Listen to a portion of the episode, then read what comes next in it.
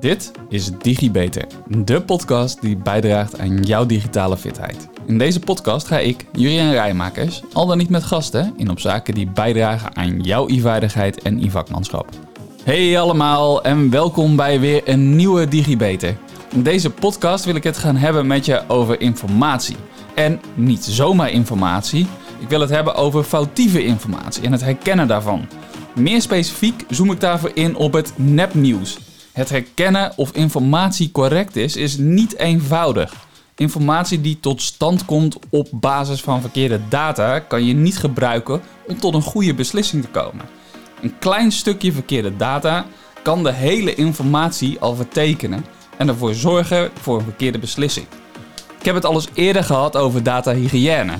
En om het belang daarvan te onderstrepen van het hebben van correcte data en informatie wil ik het dus vandaag hebben over nepnieuws. Desinformatie en nepnieuws zijn een probleem. En niet zomaar een probleem. Het is zo gevaarlijk dat de overheden over de hele wereld zich ermee bemoeien. En het doel is vaak het proberen te voorkomen dat het nepnieuws te veel invloed krijgt. Onze Nederlandse overheid heeft er zelfs een spotje over gemaakt. Echt?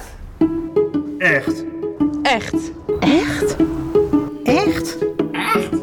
Echt? Het staat hier. Vraag jezelf altijd even af: is het bericht echt? Echt? Echt? Of is het nepnieuws? Als je twijfelt, check dan bijvoorbeeld waar het bericht vandaan komt. Echt niet. Blijf nieuwsgierig. Blijf kritisch.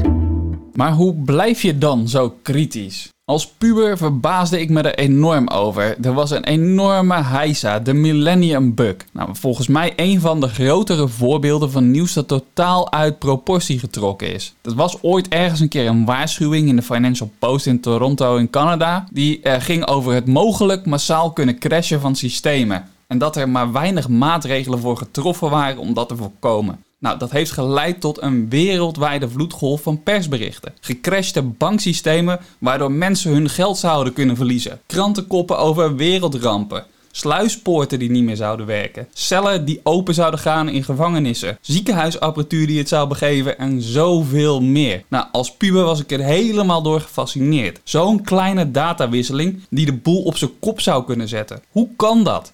Zit het echt in zoveel systemen fout? Waarom nemen we het nieuws zo makkelijk aan? Regeringen gaven miljoenen uit om te controleren of ze wel millennium-proof waren. En als dat dan niet zo was, ja, wat er dan gedaan moest worden om het toch maar te worden. Want ja, de landsveiligheid stond op het spel.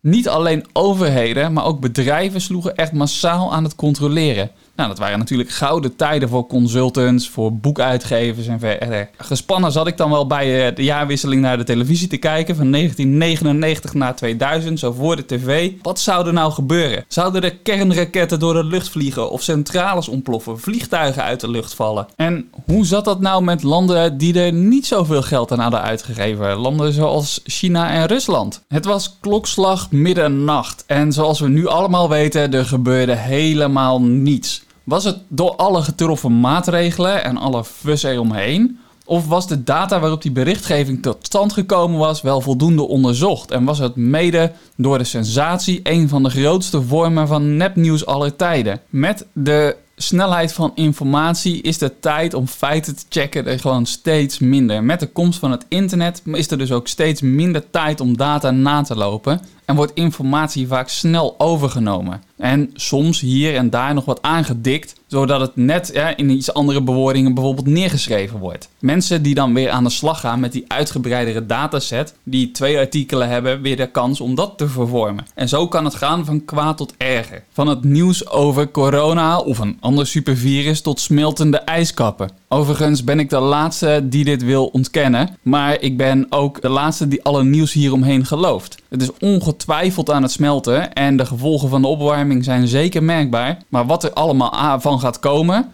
wat is de data waaruit dat bewezen kan worden? Wat zijn de wetenschappelijke bronnen met feiten? Wat ik waar wil zeggen is: blijf kritisch. Blijf kritisch naar informatie kijken. Maar waarom is dat zo lastig? Ik heb een stukje van uh, een video gepakt van de overheid waarin Margriet Sitskoorn, hoogleraar klinische neuropsychologie, uitlegt waarom het voor ons mensen zo lastig is om het onderscheid te maken tussen echt en nepnieuws. Het is voor mensen heel moeilijk om een onderscheid te maken tussen echt nieuws en nepnieuws.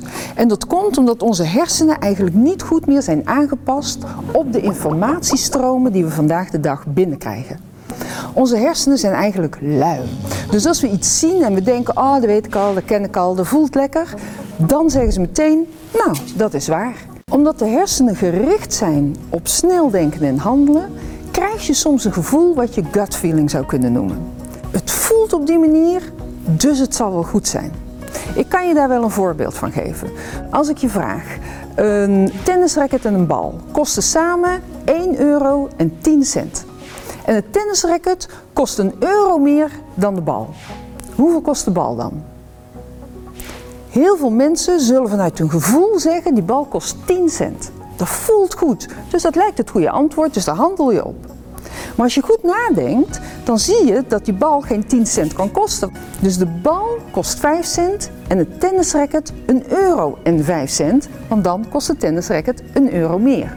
Het is een klein voorbeeldje om je te laten zien dat we allemaal gevoelig zijn om iets te denken wat niet waar is, maar omdat het lekker voelt, geloven we er wel in. Voor jullie informatie, dit filmpje, daar is een klein stukje in geknipt. Daar werd nog in verteld uh, tussenin uh, door iemand die uh, fake news heeft meegemaakt. Het linkje naar het hele filmpje zet ik uiteraard weer in de show notes. Onze hersens zijn dus lui en we nemen snel dingen aan omdat het goed voelt. Het onderscheiden van nepnieuws is echt bizar lastig. En je ziet dan ook dat nepnieuws steeds vaker voor waar wordt aangenomen.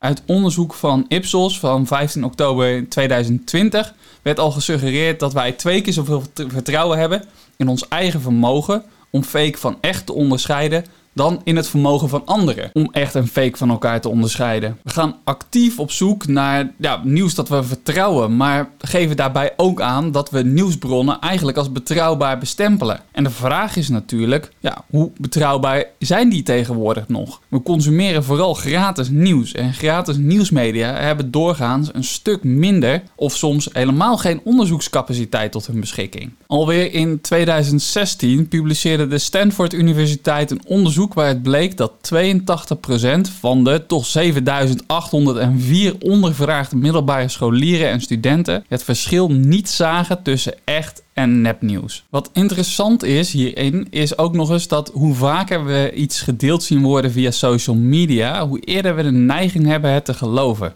Het aantal likes en het aantal reacties speelt dus een grote rol. En door algoritmen die erachter zitten, zal je ook die soortgelijke content steeds meer te zien krijgen hoe meer een bepaald bericht geliked wordt of becommentarieerd wordt, ja, dat bedaakt dus ook de kans groter dat je het voorbij ziet komen. Misschien herinner je je nog de podcast over machine learning, die aflevering waarin ik het heb gehad over de filterbubbel op basis van je eigen zoekgedrag en je likes. En de aflevering waarin ik onder andere de Netflix-algoritme besproken heb, op basis waarvan door voor jou interessante context uh, getoond wordt. De combinatie van deze algoritmen maakt het massaal liken en delen, becommentariëren door onder andere internettrollen en social bots, dat jij het dus meer gaat zien en dat de kans ook groter wordt dat je het dus gaat geloven. Ik zie er steeds meer van voorbij komen. Artikelen over bijvoorbeeld de gezonde artikelen van een bepaald product, artikelen rondom coronavaccinaties of andere vaccinaties voor kinderen, beleggingen enzovoort. En dan heb ik het nog niet eens over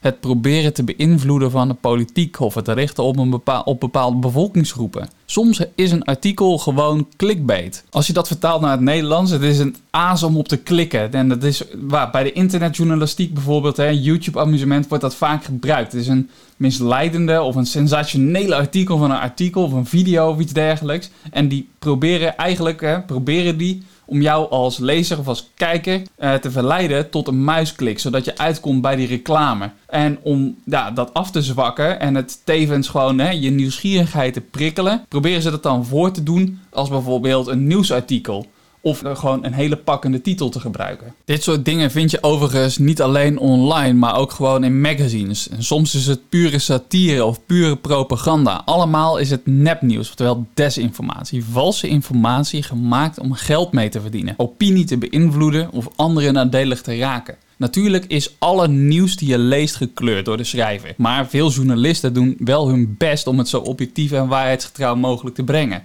Toch maken journalisten, schrijvers, maar vloggers en podcasters als ik de keuze welke bronnen gebruik je, welke benoem je, welke gebruik je voor welke onderwerpen en feiten, wat vind je interessant om uit te lichten. Nou, op die manier krijg je natuurlijk wel een bepaald frame. Een frame waarin uh, dat gemaakt wordt om een gebeurtenis die er ja, te vereenvoudigen of het lekkerder weg te laten lezen of lekkerder weg te laten luisteren. Om je aandacht te trekken. Maar het kan daarmee dus ook een verkeerd beeld schetsen, zoals bijvoorbeeld met die Millennium Bug. Vertraaide woorden die tot een massagekte kunnen leiden. Nepnieuws kan echt heel verregaande gevolgen hebben. Ik weet niet of je veel van in de geschiedenis zit, maar denk maar eens aan het door Hitler verzonnen grensconflict met Polen in 1939 waarmee het land kon worden binnengevallen en eigenlijk de Tweede Wereldoorlog ontketend werd. Of de claim van de Amerikaanse president Bush in 2003 over de nucleaire wapens in Irak. Alle redenen om het land binnen te vallen, maar die wapens, die zijn nooit gevonden. Nou ja, een paar voorbeelden om aan te geven dat nepnieuws van alle tijden is. En ook van langer geleden zijn er voorbeelden. Maar om nu op alles in te gaan, daar is het misschien wat kort tijd voor. Het nepnieuws is van alle tijden, maar het verschil met eerder van vroeger is dat we, hoe dichter we bij het heden komen, hoe beter de digitale middelen, hoe meer de digitale middelen het eenvoudig maken voor ons om het nepnieuws zich snel te laten verspreiden. En dat maakt ook dat waar het nepnieuws eerst iets was dat vaak was voorbehouden aan de grote machthebbers en de rijken, tegenwoordig door iedereen zelf kan worden verspreid. Door je vrienden, door je familie, door, via social media. Het verschijnt vast en zeker ook nog steeds wel in magazines en in kranten. En je moet soms met advertentie echt wel heel erg goed opletten, omdat, ja, ik zei dat net al, sommige advertenties zijn net persberichten. En persvrijheid in ons land staat gelukkig wel heel erg hoog. Dus de, onder andere bij zo'n advertentie staat er altijd wel bij dat het een advertentie is. Maar je moet dus goed opletten. Ehm, maar de journalisten in ons land hebben objectieve verslaglegging hebben ze heel erg hoog in het vaandel staan. En dat maakte dat als iets verkeerd gedrukt is, dit waarschijnlijk niet expres is. En ik moet erbij zeggen, ik kan dit niet bewijzen. Maar zoals ik eerder al zei, kijk naar het nieuws van de Millennium Bug. Het kan ook door een hele door een hoge snelheid, een snelle gang van zaken, van informatie, kan het gebeuren dat je onjuiste berichten leest. Maar doordat de meeste journalisten objectiviteit dus zo hoog in het vaandel hebben staan, zullen ze ook regelmatig ja, rectificeren op het moment dat blijkt dat het niet goed is, het niet klopte. En ik zie best wel regelmatig dit soort berichten dan voorbij komen. Het enige wat, ik dus, wat je dus moeilijk kan controleren is ja, of dit nou altijd gebeurt. Nu, wat ik zojuist vertelde is eigenlijk vanuit een journalistenperspectief niet waar. Als je een journalist zal vragen wat nepnieuws is, dan zal een journalist dat definiëren als verzonnen bericht verspreid voor de politiek of voor commercieel gewin. Nou, vanuit mijn perspectief en waarschijnlijk ook dat van de meeste mensen, vermoed ik echter dat het begrip veel breder is. Voor mij gaat het er niet om of het bewust of onbewust verspreid is. Als een uh, politicus liegt, of dat er misleidende reclame staan, of dat, net zoals ik net al schetste, hè, andere soorten berichten zoals vanuit activistisch oogpunt, ja, dan vat ik het er net zo goed onder. Nou is DigiBeter er natuurlijk natuurlijk om je wat te leren en je digitaal vaardiger te maken. En dus komt er natuurlijk ook wat extra kennis in van toepassing. Nou, volgens de uh, eh, PhD'er Claire Wardle zijn er zeven verschillende soorten van nepnieuws te onderscheiden, geplaatst op een schaal van misleiding. Deze schaal loopt van links naar rechts en begint bij informatie gemaakt zonder kwade bedoelingen, waarbij je kan denken aan memes of aan satire. En het beweegt zich steeds verder naar rechts en het gaat dan over zaken als propaganda en desinformatie. Is het dan volledig digitaal? Nee, natuurlijk niet, want het gaat over informatie. En informatie kan ook gewoon geschreven op papier zijn. Maar ik vind het toch een mooi onderwerp om gewoon nog op door te gaan. Nou, ik, wat ik zei, het begint, het gaat dus om valse en onjuiste informatie. En het begon links op de schaal en het kan satirisch zijn. Het is naar verwachting meestal, hè, satirische informatie, vaak onschuldig. We vinden het niet zo erg dat het nep is, omdat het humoristisch gebracht is. Een soort van kritiek op iemand. Niels Paal en de Speld zijn hele mooie voorbeelden En ik moet bekennen dat sommige artikelen soms zo goed zijn dat mijn oma, die als die ze leest, die niet van echt kan onderscheiden. En ook in het begin hè, heb ik oudere collega's er wel eens op betrapt dat ze met berichten kwamen waarvan ze dachten dat het echt is. Dus het is wel noodzaak om zelfs daarbij goed op te blijven letten. Op Twitter stond er begin dit jaar voor, en net voor 1 april, bericht nieuw bij de HEMA, binnenste buiten boxershort. Want waarom zou je een onderbroek maar één dag dragen als het er ook twee kan? Als dit nieuwe model boxershort van revolutionaire en reversible bio-katoen zorgt ervoor voor extra draagcomfort.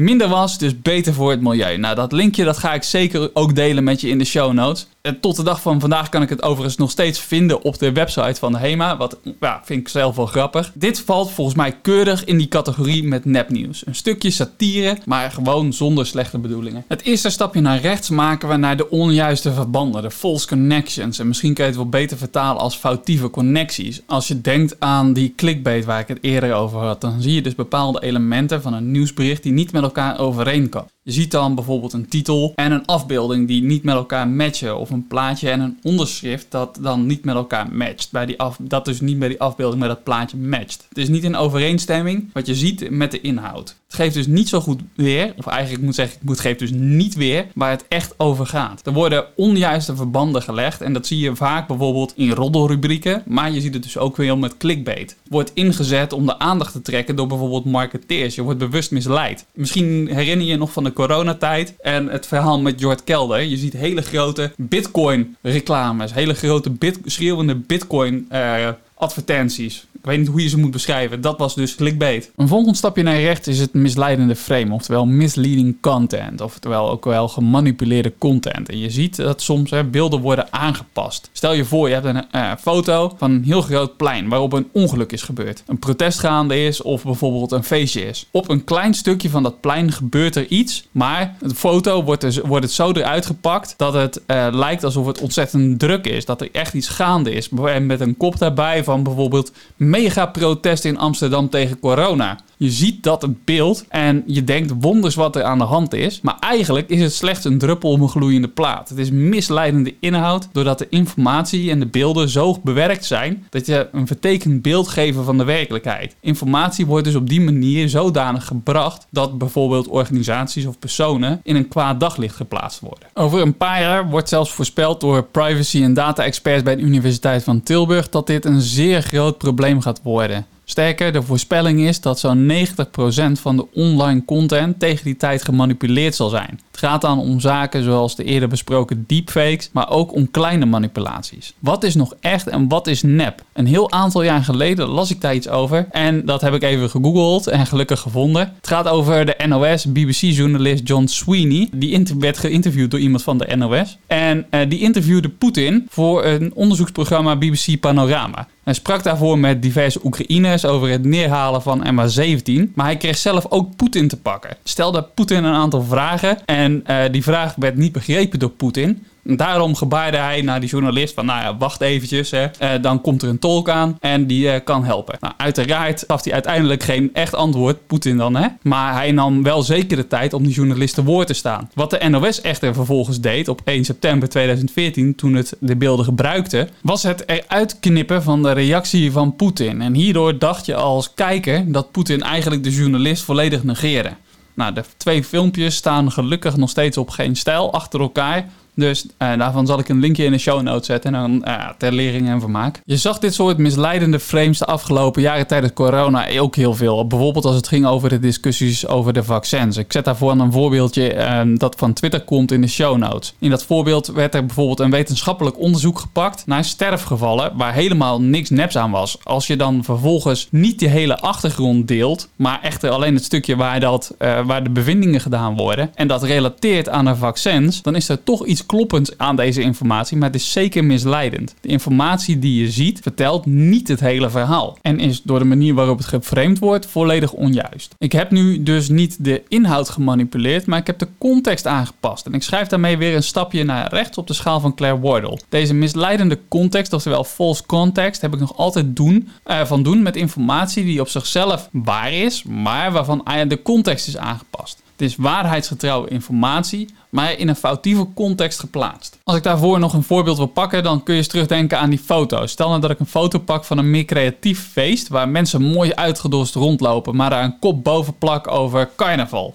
Trump had daar ook wel een beetje een handje van in zijn verkiezingen. Als het ging over bijvoorbeeld het immigratieprobleem, waar hij zo prat op ging. De manier waar Trump daarmee omging, dat werd op een gegeven moment, vond ik zelf heel erg mooi gebracht, geframed door, uh, door de trouw. Uh, die kwam met een kop Trump maakt korte metten met illegale immigranten uit Mexico. Ze hadden doorgestreept en daarachter Marokko gezet. De foto die Trump namelijk gebruikte was niet de foto van de eigen grenzen, maar leek verdacht veel op die van de Spaanse enclave. Maar je kan ook denken aan oude informatie in een nieuw jasje. Je zag dat bijvoorbeeld veel rondom de Russische inval in Oekraïne. Zo ontdekte OSINT-onderzoeker A.B. Richard dat een geluidsfragment van 23 februari 2021, uh, in dat geluidsfragment hoor je talloze schoten, dat dat ook in heel veel andere video's gebruikt is. En daarmee leek het alsof het overal oorlog was. Nou, wat OSINT-onderzoek is en hoe je zelf goed onderzoek kan doen, dat heb ik natuurlijk besproken in de afgelopen podcast. Dus gebruik die tips en tricks ook als je op zoek bent naar de verschillende perspectieven op het nieuws. Wat je ook steeds meer ziet is gewoon regelrecht bedrog, bedriegelijke content. Doordat er gebruik gemaakt wordt van valse maar echt lijkende bronnen. Ook wel imposter content. Denk daarbij maar eens aan verwijzingen naar websites. En als je die dan volgt, uh, dan bestaat de website niet. Of dan kom je op een website van een nep nieuwsmedium. In die verwijzingen gebruikt, gebruikt men dan wel vaker aanbieders die als heel erg betrouwbaar bestempeld worden. Denk bijvoorbeeld aan nieuwsites zoals die van de BBC, CNN. Maar de link naar de website is dan gewoon licht aangepast. Hoe ze dat doen, daar ben ik al een paar keer op ingegaan over de verschillende podcasts over informatiebeveiliging. Dus luister die dan vooral even terug. Maar als je dit doet, hier heb je dus echt wel kwaad in de zin als verspreiden. Misleidende informatie kan nou zeer betrouwbaar overkomen. Hier in Nederland speelde dat met het eerder aangehaalde voorbeeld dus ook rondom de crypto. Er waren diverse oplichters actief die wilden je in crypto laten investeren. En prominente media, zoals de Telegraaf, de NOS, de Volkskrant, werden daarvoor gebruikt met zogenaamde artikelen over Ali. En zoals ik ze net zei, Jort Kelder, die geïnvesteerd zouden hebben en al miljoenen verdiend zouden hebben via bepaalde hefboomconstructies. Die hefboom was natuurlijk de constructie zodat je het wel via hen moest doen en niet via gewoon de reguliere platforms. Maar het gaat hier om het punt natuurlijk dat je volledig valse informatie te zien krijgt via een bron die bijna niet van echt te onderscheiden was. En daarmee ja, betrouwbaar uh, nieuwsmedium. Waarbij er een heleboel mensen dus zijn ingetuind. Zeer misleidend dus. Nou ja, ik maakte een stap naar een gemanipuleerde content. Je hebt dan te maken met misleidende inhoud. Het is al jaren eenvoudig en het wordt steeds eenvoudiger om foto's bijvoorbeeld te bewerken. En daarmee dus ook nepnieuws te maken. Je spreekt van misleidende inhoud wanneer die informatie of beelden bewerkt worden en dus een ander ofwel een vertekend beeld geven van een gebeurtenis. AFP doet op dat soort nieuws doen ze fact-checks. En een daarvan die ging over een nieuwsbericht van RTL Nieuws. Dat bericht was bewerkt, waarschijnlijk door mensen die RTL Nieuws zwart wilden maken voor het verspreiden van nepnieuws. Want de verspreiders van dit zogenaamde RTL-bericht hadden dat namelijk zelf bewerkt door een foto van een film te pakken en die boven het bericht te plakken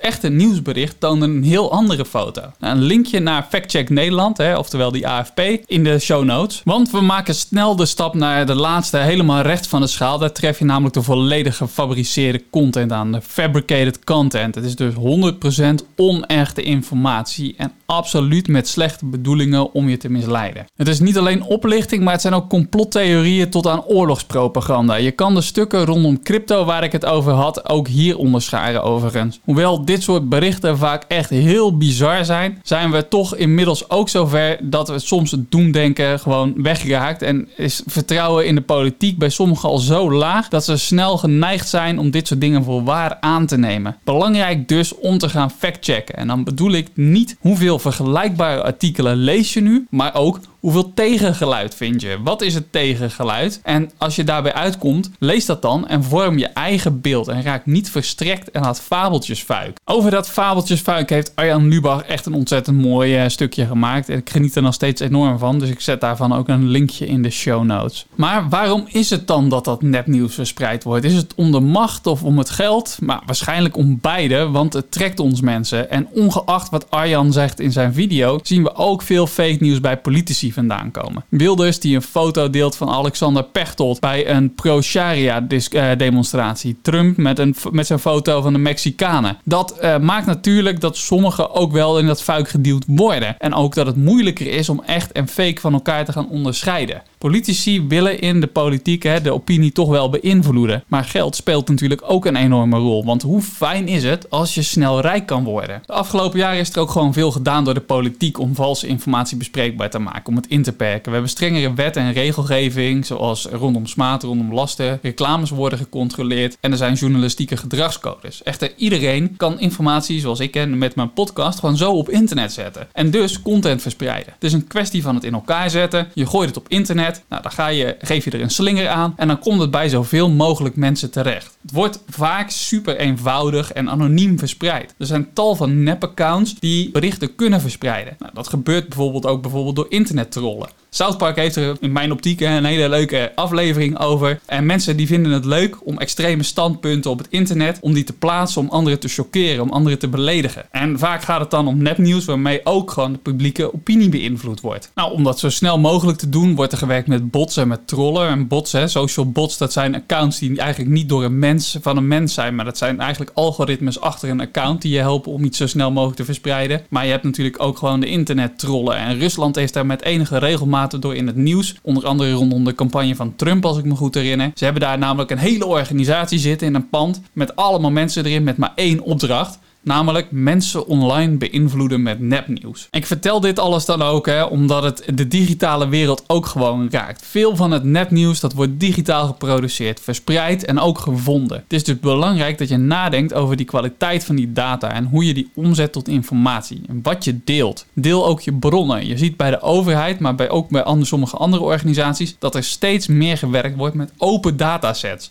zodat informatie die gebaseerd is op die data ook te controleren is. Daarnaast is het natuurlijk ook van belang dat je eerlijk, open, transparant bent als je zelf data verspreidt. Heb je iets foutiefs verteld, iets verkeerd vermeld of gedeeld, wees daar ook open over, transparant, zodat je een betrouwbare bron van informatie blijft. Met andere woorden, als je mij gekke dingen hoort zeggen, uh, laat het me weten, dan uh, zal ik dat natuurlijk ook gewoon openlijk rectificeren. Maar uh, ook wij als consumenten van die data en de informatie kunnen veel beter getraind worden. Je mediawijsheid kan worden vergroot. En zo heb je de kans om die desinformatie en door het nieuws heen te prikken. Dat helpt dan hopelijk ook weer om niet in zo'n filterbubbel te verdwijnen. Naast dat ik eh, nou, nog een aantal podcasts inga op die data en misschien wel op data-analyse om je te helpen om met die data om te gaan, ga ik nu in op een aantal aandachtspunten om je mediawijsheid te verhogen. En ik heb er natuurlijk al een aantal van geraakt gedurende de podcast, maar goed. Ehm, eh, en ik zal waarschijnlijk ook een beetje over de tijd heen gaan, zie ik, uh, als ik nu zo naar de tijd kijk. Maar goed, Um, dat, uh, dat, uh, dat is zij dan zo. Ik had het al eerder over de bron. Je moet een, bron, een betrouwbare bron hebben en je moet een betrouwbare bron zijn. Dus je moet het ook rectificeren als je fout zit. Schrijvers van nepnieuws en nepinformatie maken doorgaans gebruik van fictieve bronnen. Er zijn bronnen die je kan controleren zodat de persoon die aan het woord komt of het benoemde onderzoek ook echt daadwerkelijk correct is. En woorden of zinnen niet uit het verband getrokken zijn. Denk maar eens aan de eerder besproken foto bijvoorbeeld. Heeft dat stuk tekst die foto niet opeens een heel andere betekenis gegeven.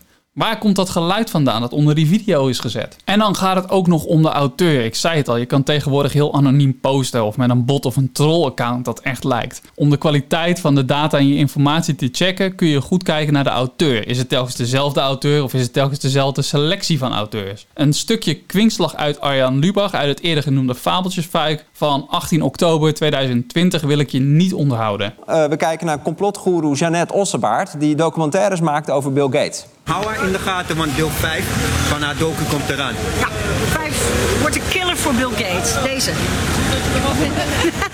Kill Bill. Wordt heel leuk. Kill Bill. Ja. En van Bill Gates kom je al snel op corona, want Bill wil een chip in het vaccin doen en dat hele virus is een hoax.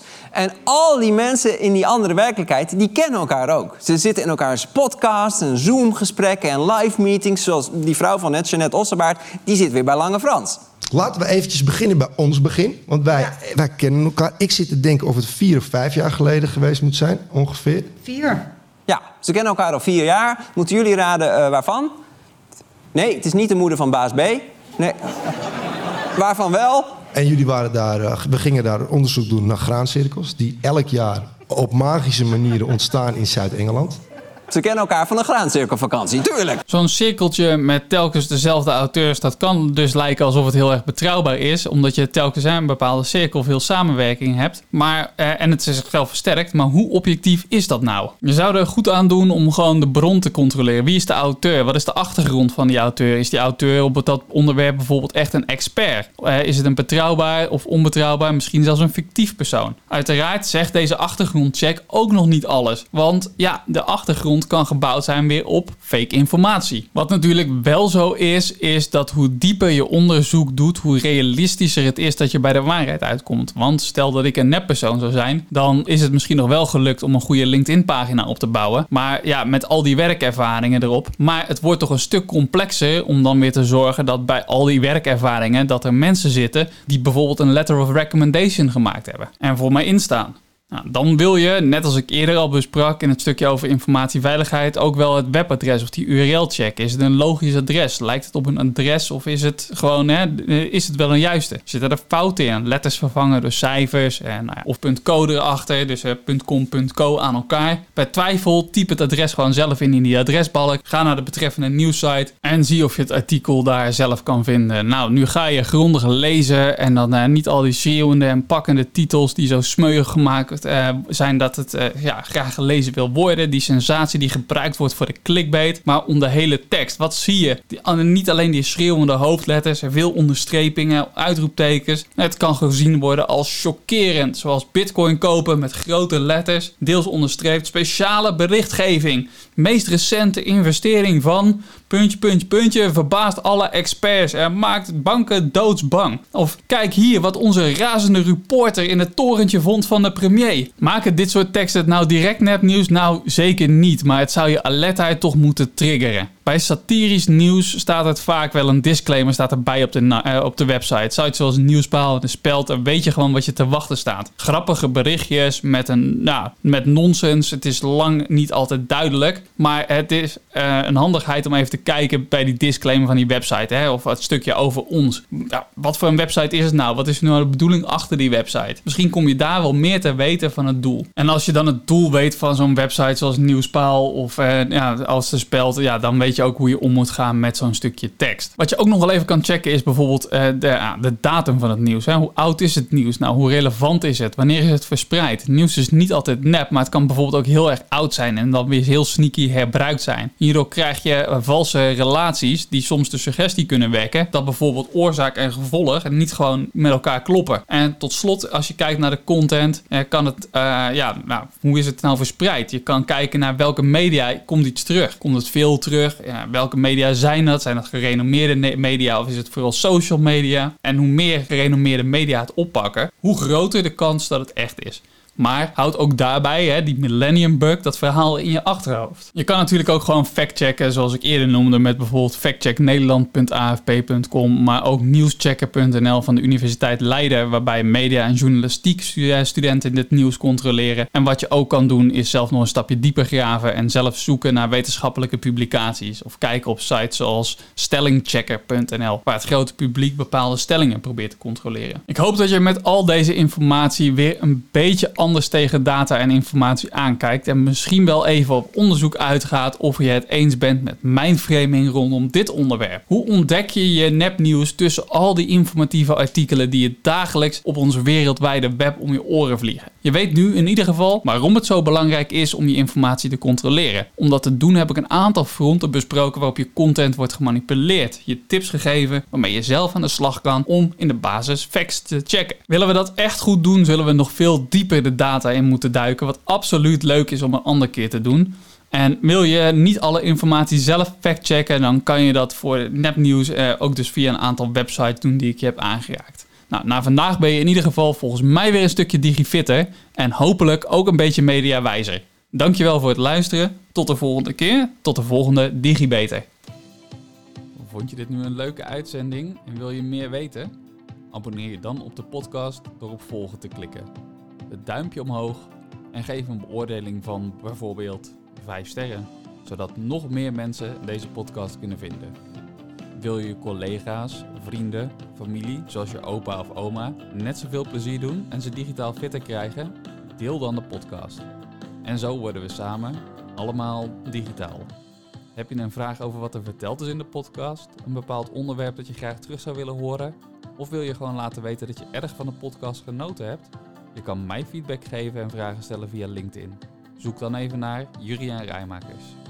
Hoe dan ook, na deze podcast ben je weer een beetje digifitter. Tot de volgende keer, tot de volgende DigiBeter.